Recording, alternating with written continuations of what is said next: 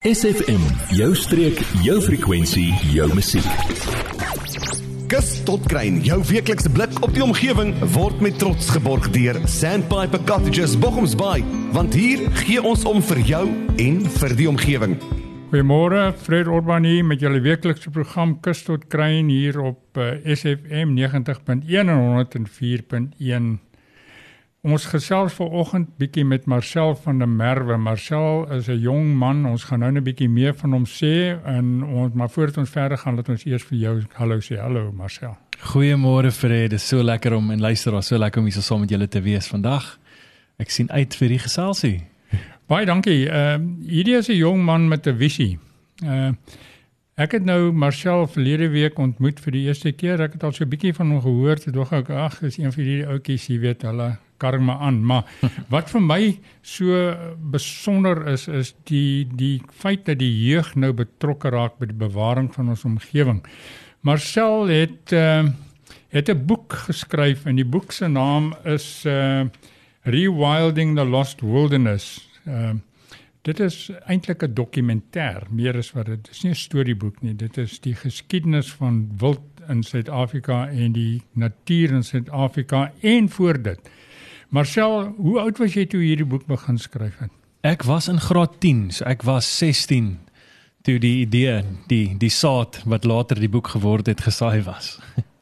maar hoekom wat wat het jou laat hierdie boek laat skryf? So basies ek um, ek is gebore in in Durbanville, Bellville in die Kaap.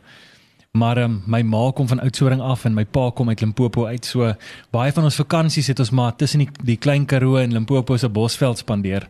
En ek was baie blootgestel in hierdie wildernisgebiede, hierdie areas waar jy nog baie diere kan sien. Maar dit was 'n groot kontras tussen waar ek groot geword in Durbanville hmm. waar daar net hierdie lappies was van inheemse veld tussen koringlande en wingerde, so 'n ja. heeltemal 'n getransformeerde landskap. En um die droom was altyd om op te gaan noorde toe as 'n klas met skool. Um, maar toe ek 16 was, graad 10, toe is ons by 'n braai en daar is familievriende van my pa en ons mm. gesels en altyd praat ek oor my drome, wil 'n wildsplaas gaan oopmaak, maar moet 'n beesplaas wees en dan herskep ons die wild in die bosveld. En die aand toe vertel die een spesifieke oom, Johnny Sinden, sê toe vir my: "Hoorie Marcel, jy wil nie noorde toe gaan nie. Daar's baie mense, die plek is regtig oorbevolk. Hoekom koop jy nie net 'n stuk koringland net noord van Durban wil jy plant doringbome nie?"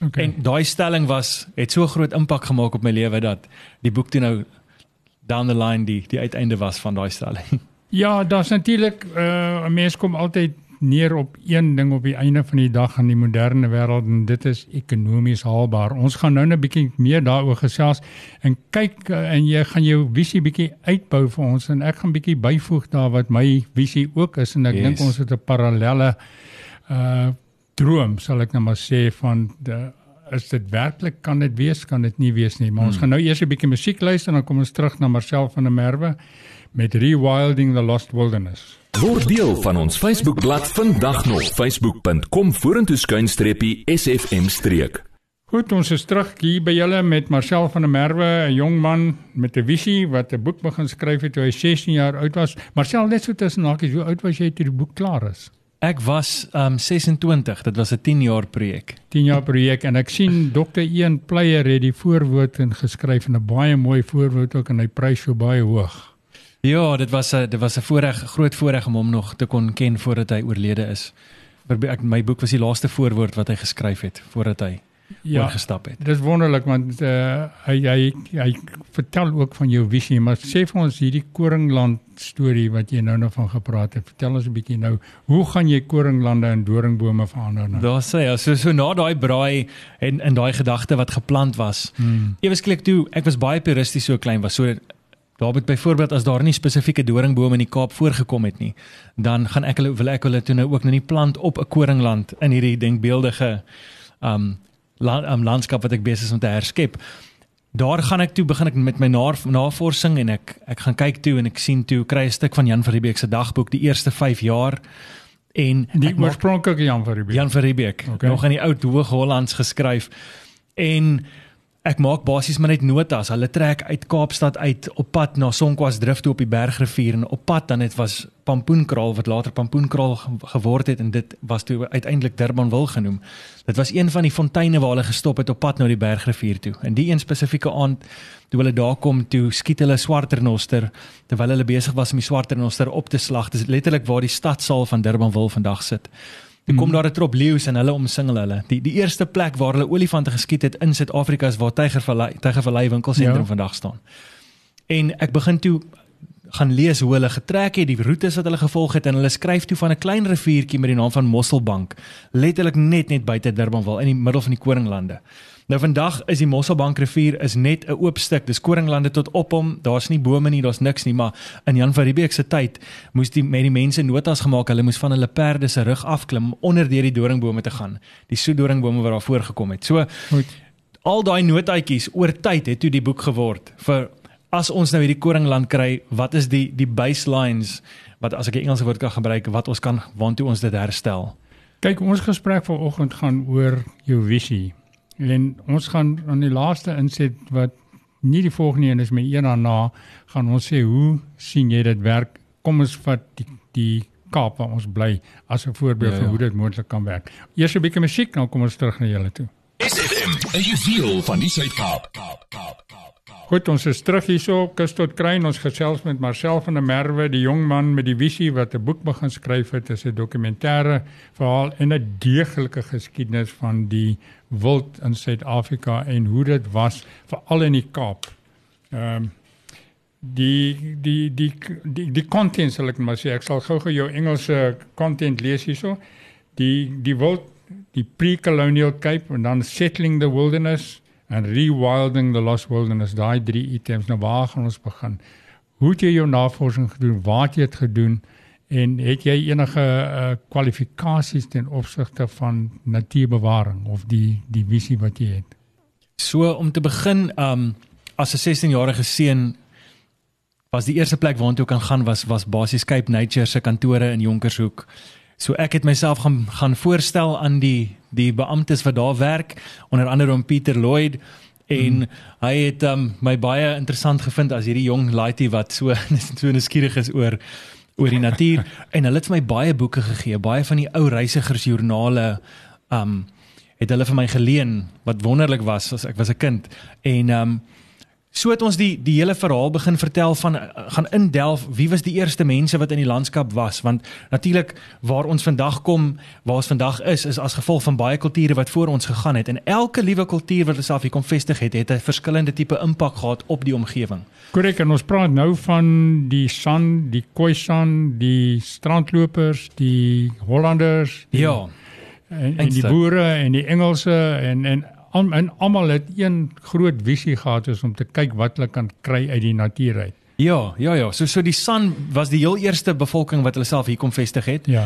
Hulle het hulle het baie saam met die natuur um gewerk. So daar was daar was baie min impak wat hulle gehad het. Ja, die rede daarvoor is as ek net kan uh in in sit hierso is dat Hulle het geweet, hulle kan nie vernietig nie wat hulle want as hulle vernietig, vernietig hulle hulle eie voedselbronne. Ja, ja. So hulle het respek gehad. Met ander woorde, hulle het iets doodgemaak net as hulle dit nodig gehad het om yes. in die lewe te bly. Want die hele wêreld en die hele lewe gaan maar eintlik oor kos. Dan dan die volgende die volgende kultuur wat hulle self hier kom vestig het was die Khoikhoi en hulle was natuurlik herders. So die, ja. die hele land gebruik het verander. Die die eerste ehm um, evidence as ek 'n Engelse woord kan gebruik wat ons vind van van skape in die Kaap was 390 hmm. voor Christus. En dan die eerste die eerste beeste wat in die omgewing in die Wes-Kaap inbeweeg het was 420 na Christus. So ons het 'n baie lang tydperk van van vee wat in die Kaap aangehou was onder andere Jan van Riebeeck toe hy hier aankom het hy geskryf na Rame die die stam wat hom kom groet het het na Rame 10000 beeste gehad in die, in 'n trop en hulle het nie die skaap of die bokke bygetel nie. Ja. So toe die landskap, die landgebruik verander het, die impak op wild ook natuurlik verander. Sure. Selektiewe weiders wei um weiers het begin minder raak soos die bloubok. Ja, ons ons gaan nou ons gaan nou net terugkom na die bloubok. Dan gaan ons net so 'n bietjie praat oor wat is vernietig uh tot op datum van die belangrike spesies wat hier was. Jy weet so sekoeivlei in die Yes, Kaap yes. en Karibiek etc. En dan gaan ons afsluit en sê waarheen gaan ons van hier af? Wat wat is jou wat is die volgende stap sal ek nou maar sê op jou visie van hier af vorentoe? Jy, ja jy. Nou dat ons jou aandag het, vertel jou vriende van SFM en ondersteun plaaslik. SFM maak elke dag 'n goed gevoel dag. SFM. Goeiemôre Fred Orban en ons praat met Marcel van der Merwe, hierdie jong man met die visie.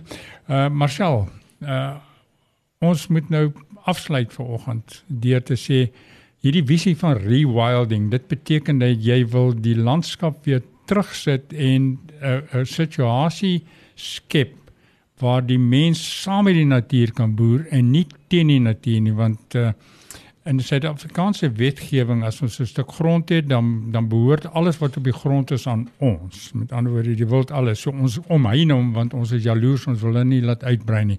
Maar op die eind van die dag op die langtermyn beteken dit die einde van die wildernisarea Ja, ja. want uh, ver, verduidelik net vir ons wat sien jy en is daar 'n kans en waar sal 'n mens begin as jy nou byvoorbeeld in ons area moet begin met so iets? So so die uiteinde van die boek was ons het die hele afbreek van die wildernis gesien en dit was 'n baie hartseer verhaal en vandag lewe ons daai realiteit waar meeste van die wildernisgebiede in die Wes-Kaap letterlik um vernietig is.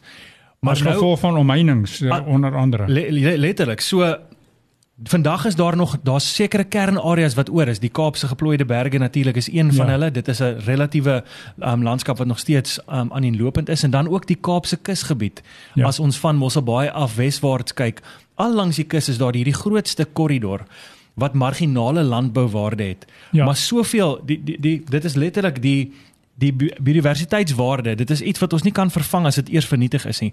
En en ek kan regtig sien dat daar alternatiewe ekonomiese um belange is wat ons kan implementeer vir die behoud van die natuur wat saam met die mens gaan wees. So dit gaan vir ons meer voordelig wees om saam met die natuur te werk.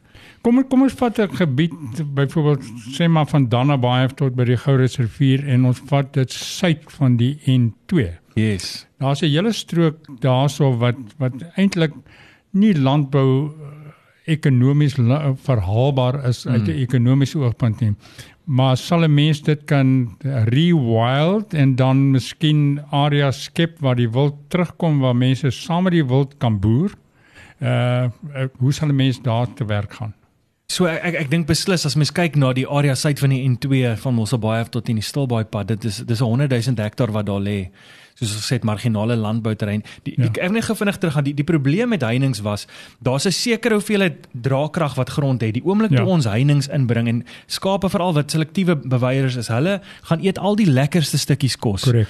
Tot op die einde van die dag dan vernietig hulle hulle eie habitat. Die Ja. probleem is nie skape nie, die probleem is die manier hoe ons die die die kuddes laat wy. Met ander woorde, ons kan die kuddes laat wy deur hulle op te pas en nog saam met luiperds en rooi katte en so aan. Presies. En as ons as ons terugkeer na die oorspronklike manier van vee waar ons dit met herders doen. Ja. Ons skep werk vir herders. Ons kan self groter troppe diere aanhou deur om hulle deur die landskap te beweeg en saam met wild want elke dier eet 'n verskillende deel. So ja.